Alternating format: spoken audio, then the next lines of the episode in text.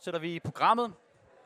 Og øh, jeg tænkte på, at jeg lige vil fortælle jer en drøm, som jeg havde her natten til lørdag. Og bare lige starte med at sige bare roligt, det er ikke noget, der er ikke noget profetisk over det, eller det er faktisk ikke rigtig noget med noget at gøre, men jeg synes, det var en virkelig træls drøm, og jeg har sådan lidt behov for at dele med nogen. Og øh, jeg drømte det. Jeg drømte, I min drøm, så var jeg helt vildt træt. Øh, og så drømte jeg, at jeg var på vej hjem et eller andet sted fra langt, langt væk. Jeg kunne huske, hvor det var. Og så kan jeg huske, at jeg sad i toget i min drøm, og jeg var simpelthen så træt. Jeg glædede mig bare sådan til at komme hjem og sove. Og så sad jeg i toget lang, lang tid, og der skete ikke noget. Og så kom jeg øh, ud af toget, så skulle jeg med en bus, og så sad i den her bus, og var lige så træt, og jeg glædede mig bare til at komme hjem. Og så vågnede jeg, så var det morgen. Ja, det var ikke så fedt. Det ved jeg ikke, om I kender at have sådan nogle drømme, men øh, jeg havde lige brug for at dele det med nogen. Så det håber jeg er okay. Men altså, det, øh, det egentlig skal handle om i aften, det øh, er så lidt noget andet. Øh, kan jeg fortælle jer om, det er øh, nemlig, at jeg har tænkt mig at fortsatte det tema, som jeg begyndte på for tre øh, uger siden. Temaet med den lidt kedelige og totalt uambitiøse titel, Meningen med livet. Og grund til, at jeg har valgt, at vi skal fokusere på det her emne, og også at vi skal gøre det over flere søndage, det er, at jeg tror, at hvis der er et mareridt, som virkelig holder mennesker fast i et knusende jerngreb af håbløshed, så er det, at der ikke er nogen mening. Så er det, at alting er tilfældigt. Men der er bare det, at som troende, også som tror på Jesus og som kirke, så har vi faktisk et modsvar på det. Eller man kunne sige, som kontrast til det mareridt, så har Gud en drøm for hver enkelt af os. Og det er nemlig, at vi i ham må finde meningen med livet. At vi må finde ind til selve meningen med livet. Og det er ikke bare på sådan et teoretisk, eller filosofisk, eller strengt åndeligt plan. Det er på en måde, som kan være helt konkret og relevant for vores liv. Det er toprelevant og aktuelt for hver eneste dag, vi lever, for hvert åndedræt, vi tager. Og som vi kiggede på i sidste tale, så er meningen med livet ifølge Bibelen at tilbe Gud. Det er det, vi er skabt til. Det er det, vi er designet til. Og det er vi ikke fordi, at Gud han er needy, eller fordi han har behov for vores tilbedelse. Nej, det er vi simpelthen fordi, at Gud han har skabt os til at tilbe ham, fordi at det uden sammenligning er det bedste for os. Det er derfor, Gud han opfordrer os til at tilbe ham. Det er fordi, det er det eneste, som i sandhed tilfredsstiller os. Det er det eneste, som sætter os fri. Det er det eneste, som sætter vores identitet og vores eksistens i det rigtige perspektiv. Nemlig det perspektiv, at vi er mennesker, og Gud er Gud. Men ikke en Gud, som er langt væk. Vel? Gud er ikke en Gud, som lader os sejle vores egen sø, eller en Gud, som er en vred dommer. Nej, Gud han er en kærlig far, som ønsker at velsigne os med alt godt. Den kærlige far, som mere end noget andet ønsker fællesskab med hans børn, med dig og med mig. Så når Gud derfor opfordrer os til at tilbe ham, så er det i virkeligheden det mest kærlige, han overhovedet kan gøre. Fordi at han derigennem giver os ham selv. Når vi tilbeder ham, så fyldes vores liv med hans nærvær og med hans herlighed. Samtidig så har han hver os et frit valg. Vi kan vælge at tilbe Gud, eller vi kan vælge ikke at tilbe Gud. Så tilbedelse, det er et valg. Og det var meget kort fortalt de tre hovedpointer fra sidste tale, nemlig, og jeg har øh, sat dem op her, så I kunne se dem. Det er nemlig hovedpoint 1, at vi er skabt til at tilbe Gud. Det er det, som er meningen med vores liv. Pointe 2, at tilbedelse det er et valg. Det er en aktiv handling. Og for det tredje, at når vi tilbeder Gud, så giver han os selv. Han giver os det bedste, det ypperste, han overhovedet kan give os, fordi han selv er det højeste gode. Og hvis du nu skulle få lyst til at øh, dykke lidt mere ned i det, eller høre, hvordan det var, vi kom frem til det, så kan du finde den tidligere tale inde på kirkens hjemmeside under gudstjeneste under høretalerne. Og det er jo så meget fint at have sådan tre punkter. Det ser meget pænt ud på en projektor, ikke? Og øh, det er meget fint, men det kan være, at du tænker, sådan som jeg tænker, nå, øh, fint nok, men hvordan skal det så se ud i mit liv? Hvordan kan jeg tilbe Gud med mit liv? Med hele mit liv? Og det kan også være, at du har det ligesom mig, som faktisk ærligt talt ret ofte ikke lige synes, at det tilbedelse af Gud mit liv er allermest fyldt af. Jeg synes faktisk, at det er fyldt af alle mulige andre ting. For knap øh, tre uger siden, så var min kone Anne og mig selv en tur i Rom. En kort tur, men øh, uden vores datter Vega, så det var sådan rigtig kæresteagtigt, og det var jo rigtig dejligt, det var godt vejr, og øh, vi havde kun tre dage, og jeg har aldrig været i Rom før, så der var virkelig meget at tage sig til. Og øh, der var rigtig mange ting, som gjorde indtryk på mig i Rom, men noget af det, som gjorde allerstørst indtryk på mig, måske også fordi jeg har gået med det her tema om tilbedelse i hovedet det sidste stykke tid, det var at se den katolske kirke in action, øh, så at sige. Fordi det, som slår ind, når du går rundt i Rom, det er bare, hvor sindssygt mange kæmpestore katedraler og kirker og alt muligt, som ligger ud over hele byen. Ikke? På næsten hvert eneste gadehjørne, snart du kommer rundt om hjørnet, så ligger der en ny kæmpestor katedral. Og jeg tror nærmest, de mindste af dem er på størrelse med vores frue kirke. Og det er så ligesom en ting, hvor mange kirker der er, hvor meget det fylder i bybilledet. Men det, som for alvor greb mig, det er den kultur, eller den tradition, de har for at tilbe. I næsten alle de her kirker, som sagt, ligger ud over hele byen, så er der nemlig messe klokken 8 om morgenen, og der er messe klokken 6 om aftenen. Hver eneste dag. Så ikke bare søndag, men hver eneste dag.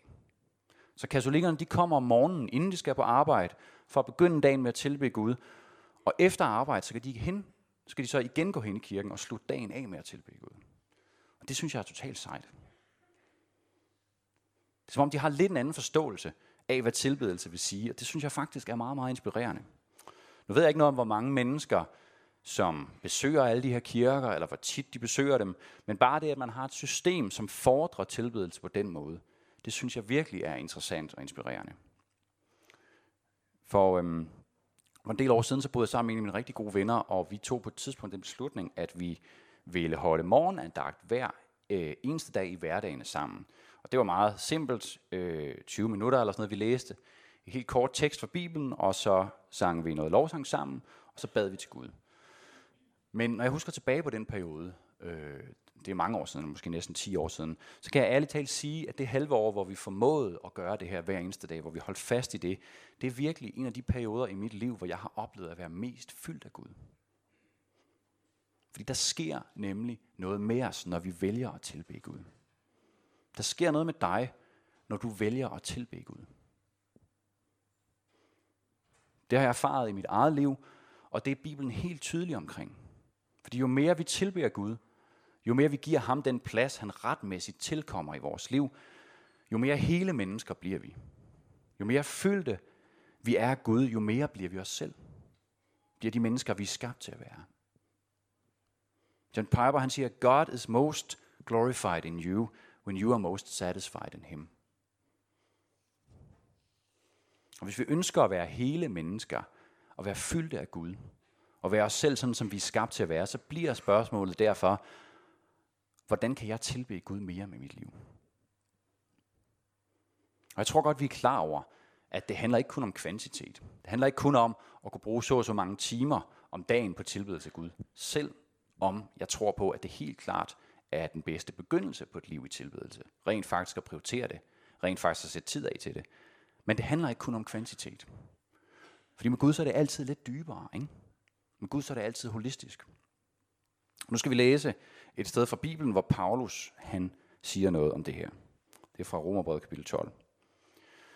Så formaner jeg jer, brødre. Og når Paulus skriver det her formaner, så er det sådan virkelig nærmest dikterer sådan på en pæn måde. Ikke?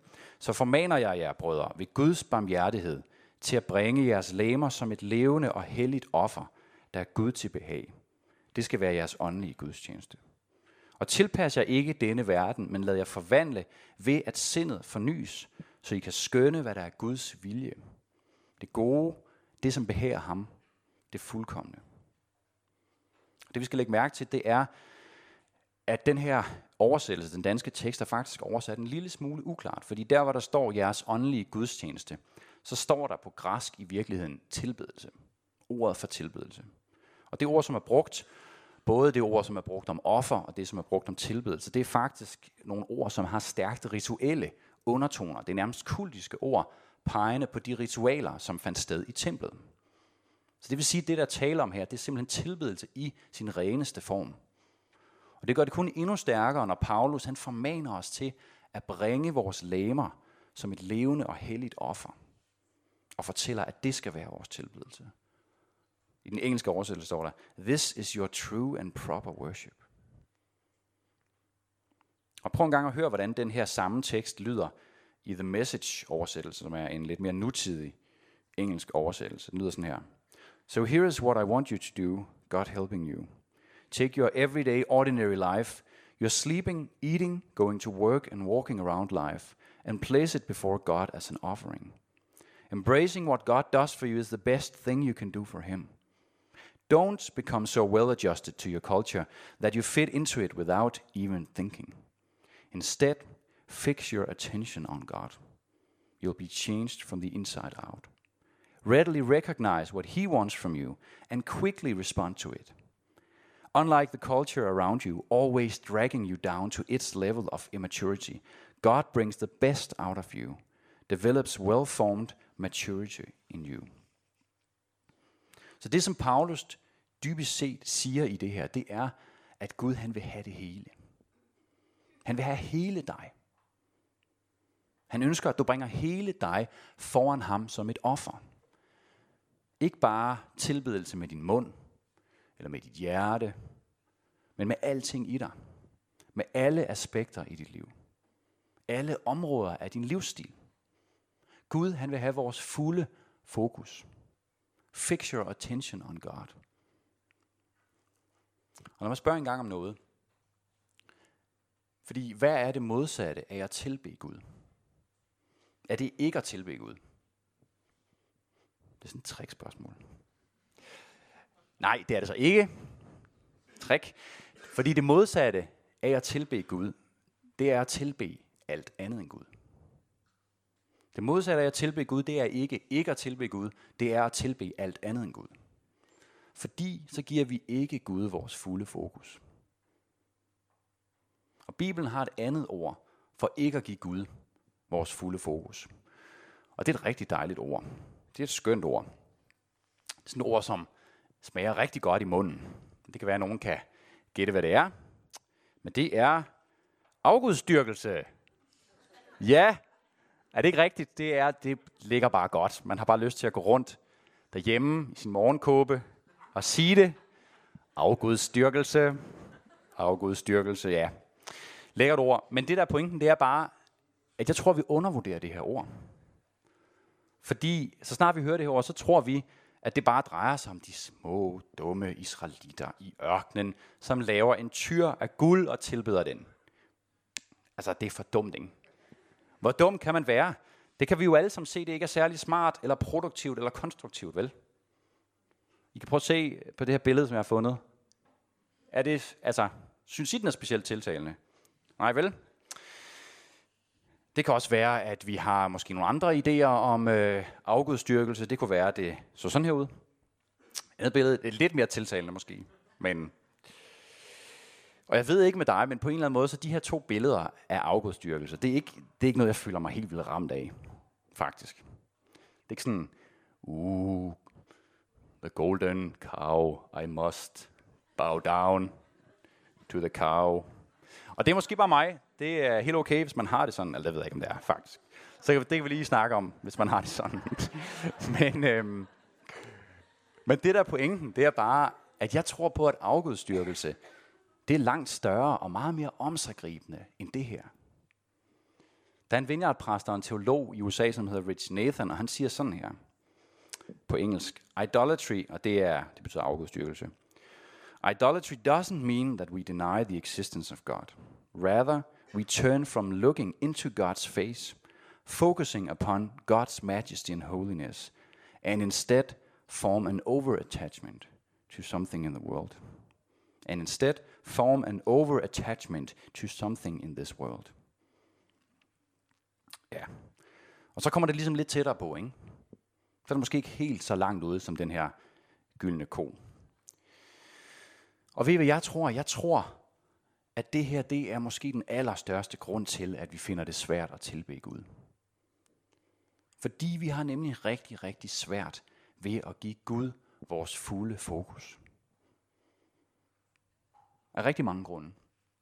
Og derfor så skal vi læse en historie nu om Jesus, hvor han er totalt sej igen igen, og han lige viser os, hvordan at man skal grine det her. Det er fra Matthæus 4, og øh, det er også meget passende nu, hvor vi er i fastetiden. Står sådan her. Så blev Jesus af ånden ført ud i ørkenen for at fristes af djævlen. Og da han havde fastet i 40 dage og 40 nætter, led han til sidst sult. Og det forstår man godt. Og fristeren kom og sagde til ham, hvis du er Guds søn, så sig, at stenene her skal blive til brød. Men han svarede, der står skrevet, mennesket skal ikke leve af brød alene, men af hvert ord, der udgår af Guds mund. Der tog djævlen ham med til den hellige by, stillede ham på templets tinde og sagde til ham, hvis du er Guds søn, så styrt dig ned. For der står skrevet, han vil give sine engle befaling, og de skal bære dig på hænder, så du ikke støder din fod på nogen sten. Jesus sagde til ham, der står også skrevet, du må ikke udæske Herren din Gud. Igen tog djævlen ham med sig, denne gang til et meget højt bjerg, og viste ham alle verdens riger og deres herligheder, og sagde til ham, alt dette vil jeg give dig, hvis du vil kaste dig ned og tilbe mig. Da svarede Jesus ham, vi bort, satan. For der står skrevet, du skal tilbe Herren din Gud og tjene ham alene. Der forlod djævlen ham og se, der kom engle og sørgede for ham. Jesus er totalt sej, ikke? Det synes jeg, han er. Han er ude i den her ørken, ikke? helt alene. Han faster 40 dage, så han er ærligt talt lidt nedkørt. Han er ikke helt på toppen. Og lige der kommer djævlen for at friste ham. Og det vi skal kigge på, se lidt nærmere på i denne historie, det er, hvilken taktik djævlen benytter sig af for at friste Jesus. Hvad er det egentlig, han prøver at få ham til at gøre? Først så prøver han med det helt åbenlyse. Jesus har fastet 40 dage i træk, så selvfølgelig er han fuldstændig overdrevet sulten. Ikke? Så djævlen prøver at få ham til at forvandle nogle sten til brød. Og lige først, når jeg læser det, så tænker jeg, okay, det kan godt være det er mig, men sten til brød, er det nu sådan, er det nu sådan meget slemt, øh, når nu manden er virkelig sulten? Er det nogen specielt big deal? Men det synes Jesus åbenbart. Så næste gang så prøver djævlen med noget lidt mere spektakulært, nemlig at få Jesus til at kaste sig ned fra templets tinde, for så at blive reddet af Guds engle, og på en eller anden måde igennem det ligesom få bekræftet hans guddommelige natur. Hvis du er Guds søn, så fyr den lige lidt af, var. Kan det virkelig være rigtigt, at du, Jesus, hvis du er Guds søn, skal ture rundt herude i varmen uden mad og drikke? Det giver da ikke mening, det må du da selv kunne se. Det er da for dumt. Og hør det lidt som om, at Satan faktisk siger, helt ærligt Jesus, her er jeg gået og forberedt mig på, at Gud selv skulle blive menneske og komme ned på jorden, så vi rigtig kunne få os en sving om og en god slåskamp. Og så er det det her, jeg bliver mødt af. En sulten, svedende og fuldstændig nedbrudt mand ude i din ørken. Vil du virkelig have, at jeg skal tro på, at du er Guds søn? Tror du virkelig selv på, at du er Guds søn? Djævlen prøver på at få Jesus til at tvivle på sig selv, på sin egen identitet. Hvis du er Guds søn, ikke? Hvis du er Guds søn. Og samtidig prøver han på at skabe tvivl i Jesus om, hvorvidt Gud vil sørge for ham. Han prøver at skabe tvivl i Jesus om, hvorvidt Gud overhovedet eksisterer.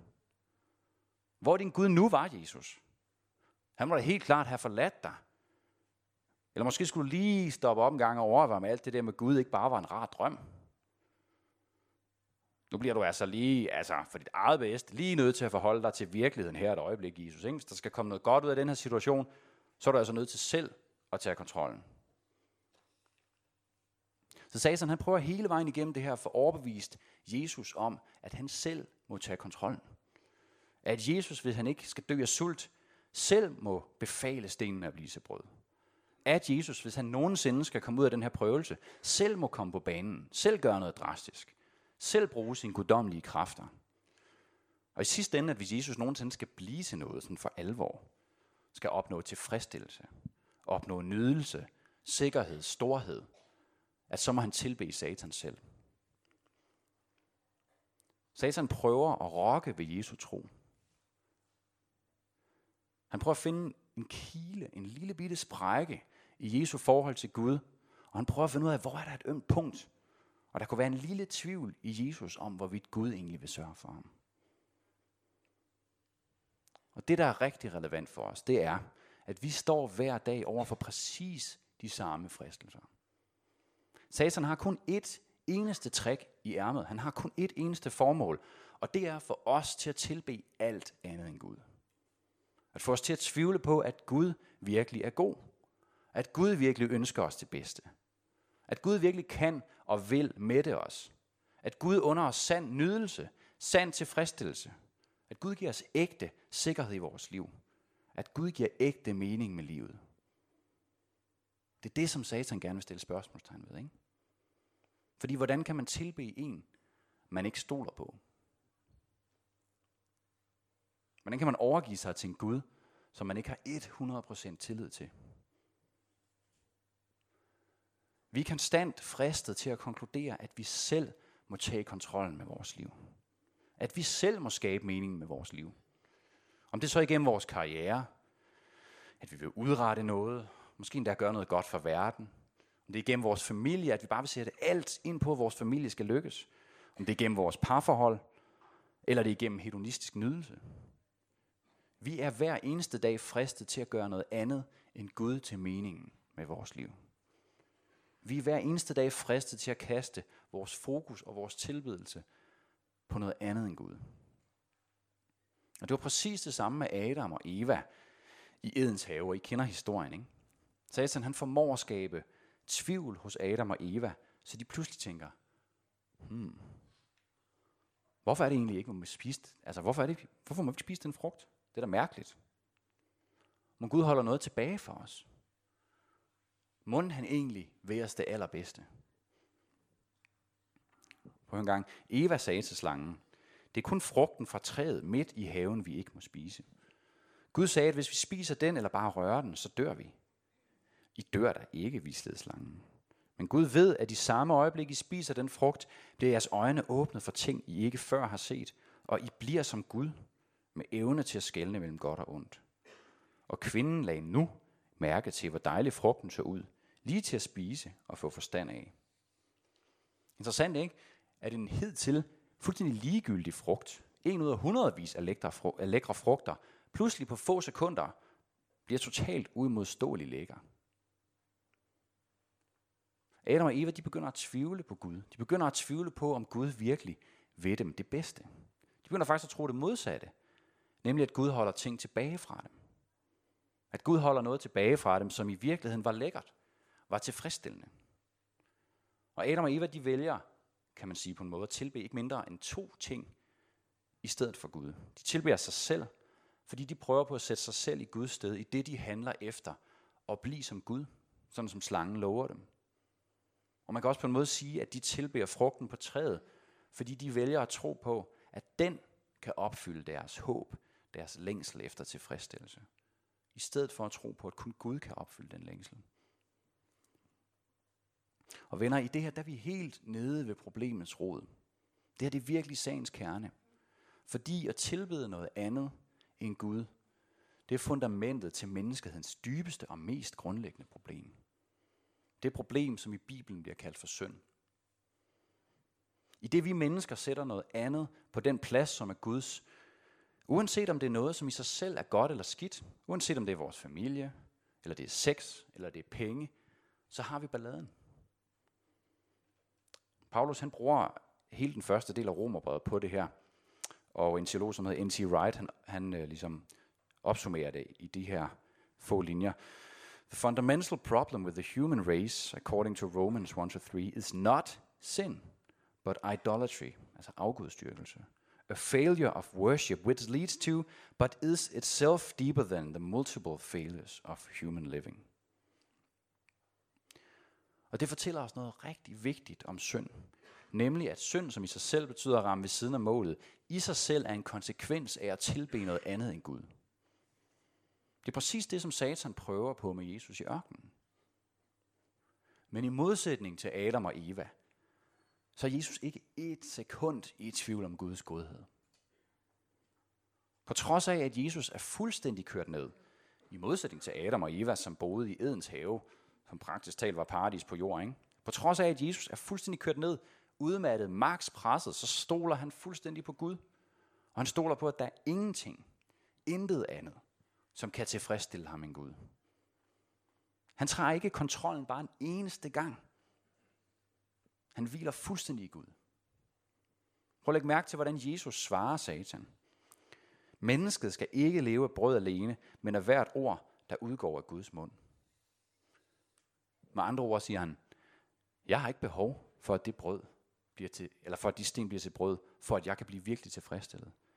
Fordi der er noget andet, nemlig Gud selv. som mætter alting i mig. Anden gang så svarer han, du må ikke udæske Herren din Gud. Og udæske, det betyder i virkeligheden udfordre eller provokere. Så det Jesus siger, det er faktisk, jeg har ikke sinde på nogen måde at udfordre Gud og gøre mig selv til Gud. Til at ophøje mig selv. Til at tilbe mig selv. Og til sidst svarer han, vi bort, Satan. For der står skrevet, du skal tilbe Herren din Gud og tjene ham alene. Så Jesus han tvivler ikke et sekund i hans svar til Satan, i hans modangreb, som det faktisk er. Han er så fuldstændig rodfæstet i Gud, at han ved, at alt det, som Satan frister med, det er falske løfter og tomhed. Og jeg tror på, at al synd begynder med, at vi ikke lader Gud fylde os med alle hans ufatteligt gode gaver. Med hans kærlighed. Synd er, at vi tager kontrollen selv. At vi selv begynder at definere, hvad meningen med mit liv skal være. At vi ikke giver Gud vores fulde fokus. Derfor kan man på en måde sige, at den første synd, eller grundsynden, det er ikke at tilbe Gud. Det er at tilbe alt andet end Gud. Og derfor så vil Satan altid forsøge at få os netop til det, til at tilbe alt andet end Gud. Uanset om det i sig selv er godt eller skidt. Fordi ligesom han selv ikke vil tilbe Gud, så søger han at vende os mennesker væk fra Gud. Han forsøger det samme med Jesus i ørkenen. Ikke? Fald ned og tilbe mig, så vil jeg give dig. Det og det, og det. Han forsøger det samme med os. Igen og igen så lokker han med nydelse, med tilfredsstillelse, med sikkerhed. Men det er alt sammen falsk. Det er alt sammen tomhed. Det er ikke sand nydelse. Det er ikke sand og dyb tilfredsstillelse. Det er ikke sand sikkerhed. Det er fake. Satan er fuldstændig ligeglad med, hvad det er, vi tilbeder, så længe det ikke er Gud. Jesus siger i Johannes evangeliet kapitel 10, vers 10, Tyven kommer kun for at stjæle og slagte og ødelægge. Og det er så Satan, han snakker om her. Jeg er kommet for, at de skal have liv og have i overflod. Og lidt tidligere i det samme evangelium siger han, den der tørster skal komme til mig og drikke. Den der tror på mig skal det gå, som skriften siger, fra hans indre skal der rende strømme af levende vand. Gud har skabt og designet os til at nyde ham. Til at få alle vores behov, alle vores længsler opfyldt i ham. Til at have al vores identitet i hans kærlighed. Have al vores mening med livet i ham.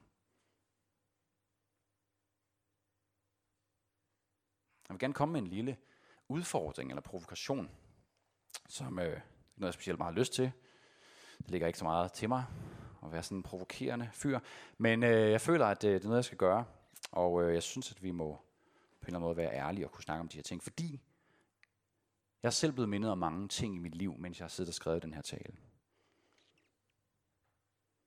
Og derfor skulle jeg godt tænke mig at spørge dig i dag. Hvis du har ting i dit liv, som du godt ved ikke er fra Gud, elementer i din livsstil, som er usund for dig selv og for andre, så prøv at spørge dig selv helt ærligt om, hvorfor du har det. Er det sådan en slags oprør? Er det fordi du er en rebel? Sådan, uh, jeg er kristen, men jeg drikker mig alligevel pisse stiv fredag aften og gør ting, som jeg ved ikke er gode for mig eller for andre mennesker. Uh, en farlig rebel. Eller er det snarere fordi, at du dybt nede har ting i dit liv, som du kæmper med? Ting, som nærer dig. Ensomhed. Noget selvværd, som ikke er helt på plads. Tvivl. Utilfredsstillet behov. Og hør engang, jeg er godt klar over, at det her det kan lyde dømmende. Men det er ikke det, jeg er ude på. Jeg er overhovedet ikke ude på at dømme nogen, eller få nogen til at føle sig skyldige. Det er Gud heller ikke. Men vi er nødt til at ture at være ærlige. Vi er nødt til at ture at se sandheden i øjnene. For ellers er vores tro fuldstændig hul. Tro det er ikke noget, som kan skilles fra vores fysiske liv eller fra vores livsstil. Tro det ikke sådan rent åndelige ting, som er inde i vores hoveder eller vores hjerter, som har det fint der, uagtet hvordan vi agerer med vores fysiske krop og med vores livsstil. Det er vranglærer. Det er gnosticisme. Det hedder det med et fint ord. Og igen og igen, så går Bibelen i rette med den idé, og Jesus gør det selv igen og igen. For det er ikke sådan, vi er skabt. Når Paulus formaner os til, som vi læste, at vores tilbedelse af Gud i virkeligheden handler om at bringe vores læmer som et levende og helligt offer, med andre ord at overgive alting i os til ham, kan det så misforstås? Gud har så uendelig meget godt til os. Han længes efter hver eneste dag at overøse hver enkelt af os med alle hans gode gaver. I særdeleshed med hans nærvær og hans kærlighed. Vi må lade ham og ham alene fylde vores dybeste behov. Være vores mening. Jeg vil gerne slutte med at fortælle en kort historie om tilbedelse, som øh, er om nogle af mine venner. Eller det handler om en, en ven, som jeg havde fra Jødeborg, Vineyard, som var lovsangsleder der, og han hed Emanuel. Og øh, jeg blev ret gode venner med ham, fordi at vi lavede nogle lovsangsprojekter sammen i Vineyard Norden. Vi ledte lovsang sammen til nogle konferencer og sådan noget. Og så for to år siden, næsten for to år siden, der skulle vi lede lovsang sammen på det her summit, øh, som Martin reklamerede for. Men øh, Emanuel var nødt til at melde fra, fordi han havde simpelthen så ondt i maven, på det han læge mente, det var noget med stress. Og det var i april, og så en måned senere fik han konstateret kraft. Simpelthen den ondeste kraftknude, han havde i leveren. Og han blev selvfølgelig helt akut opereret, og det var helt op over. Og i lidt tid efter det, øh, så troede lægerne, at det gik godt. De troede, at, ja, at det gik den rigtige vej, og så var tiden kommet for, at vi skulle have sommercamp, og det var så kun i virkeligheden et par måneder efter, at han fik konstateret kræften her, og jeg havde glædet mig rigtig meget til at se ham der, fordi han skulle komme op der sammen med hans kone og hans, hans gravide kone og hans barn. Men, øh, men allerede de første dage på sommercamp fik vi at vide, at han ikke kom, fordi han på en eller anden måde havde fået det dårligt. Og så i løbet som campen, i løbet af campen skred frem, så øh, øh, fik vi at vide, at det simpelthen gik helt den forkerte vej i, med raketfart. Altså, så fredag aften på campen var det meningen, at vi skulle have sådan en øh, lovsang celebration, som jeg skulle lede, og torsdag aften, inden torsdag aften eller fredag morgen, blev vi ringet op og fik at vide af lægerne, at øh, det var simpelthen, de mente, det var simpelthen sidste udkald for Emanuel. De mente, at han måske ville overleve højst to døgn endnu. Og øh, så stod vi der og skulle have lovsangsfest fredag aften. Og hvad gør man i sådan en situation? Han skulle selv have stået på den scene og let lovsang. Og der er kun én ting, man kan gøre. Og det er at tilbe Gud. Så vi besluttede os for at tilbe Gud. På trods, og vi sagde nogle ord først om Emanuel, bad for ham, og så tilbad vi Gud, som, som kaldte liv og død, skulle jeg til at sige. Og øh, efter at vi var færdige med tilbedelsen den aften der, så fik jeg at vide, eller så kom der en af mine gode venner fra en anden præst i Nordsjøbing Vineyards, øh, Annika, hun kom hen til mig og sagde, at hun havde set omkring midt i sættet, omkring anden sang, vi havde spillet, havde hun set et syn af Emanuel, at han, han spillede elgitar og ledte øh, en lovsang, at hun havde set ham i et syn spille elgitar og danse sammen med englene i himlen. Og da jeg fik det at vide, så vidste jeg, at han var død. Og øh, så gik der cirka en halv time, så blev vi ringet op og fik at vide, at, at han var død. Og øh, hans venner, de få venner, som var på ham øh, på hospitalet, de havde øh, arrangeret sådan, at han havde kunne se hele den her aften på livestreaming. Så han havde været med i vores tilbedelse. Og hvorfor fortæller jeg den her historie? Kan man måske spørge. Det gør jeg, fordi at Emanuel, han var, han var en tilbeder. Så var noget, som kendetegnede ham, så var det, at han var en tilbeder. Og efter her i sommers, de af som var camp, lagde måske, på camp lagde måske mærke til det. Hans kone Jenny, som på det tidspunkt, da han døde, var gravid, var højgravid. Hun fødte en uge efter, at han var død. Og derudover havde de så en, deres lille søn på tre år. I sommers på sommercamp, der kunne man få lov til at se Jenny øh, danse, lovsangsdans, op foran scenen på sommercamp. Og øh, jeg fortæller din historie, fordi jeg synes, at det er så sindssygt stærkt. Det liv, som vi har mulighed for at få, et liv i tilbedelse af Gud, det er større end noget andet. Jeg vil ikke lade noget som helst stå i vejen for det liv. Jeg er kommet til den konklusion. Ikke min dybeste tvivl. Ikke min dybeste frygt. Og du må gøre det samme. Vores liv det er fyldt med så mange overvældende ting. Overvældende omstændigheder, sygdom eller smerte, tvivl, frygt, økonomiske problemer, frygt for, hvad andre mennesker tænker, teologiske diskussioner, alt muligt. Men vi må ikke lade det overskygge vores første kald. Vi må ikke lade det stå i vejen for det liv, som Jesus har til os. Et liv i overflod. Du må vælge at stole på Gud. På trods af dine omstændigheder. Fordi Gud er ikke ude på at begrænse vores frihed. Han er ikke ude på at holde de gode ting tilbage fra os, som sådan en slags et magttrip, eller sådan en udøver af moralsk disciplin. Han ønsker kun at velsigne os. Han ønsker os kun det allerbedste. Han giver os det allerbedste. Ham selv, hans kærlighed, hans nærvær i vores liv. Ikke bare glemt om søndagen, men hver dag, hver eneste dag. Og det er min aller, aller, aller største drøm. At vi engang, når det er tid, skal stå sammen. Hver eneste mand, hver eneste kvinde, hver eneste barn, som nogensinde har betrådt den her jord. At vi skal stå skulder ved skulder med Emanuel og alle de andre, som er gået i forvejen. Og vi skal tilbe Gud. Ansigt til ansigt med Gud. Vi skal være så fyldt af Guds nærvær, at al ondskab, al frygt, al smerte, som nogensinde har været, det vil forsvinde. Det vil være fuldstændig opslugt i hans kærlighed. I hans herlighedslys, i hans nærvær. Og det er meningen med livet. Lad os stå op og tilbe Gud sammen.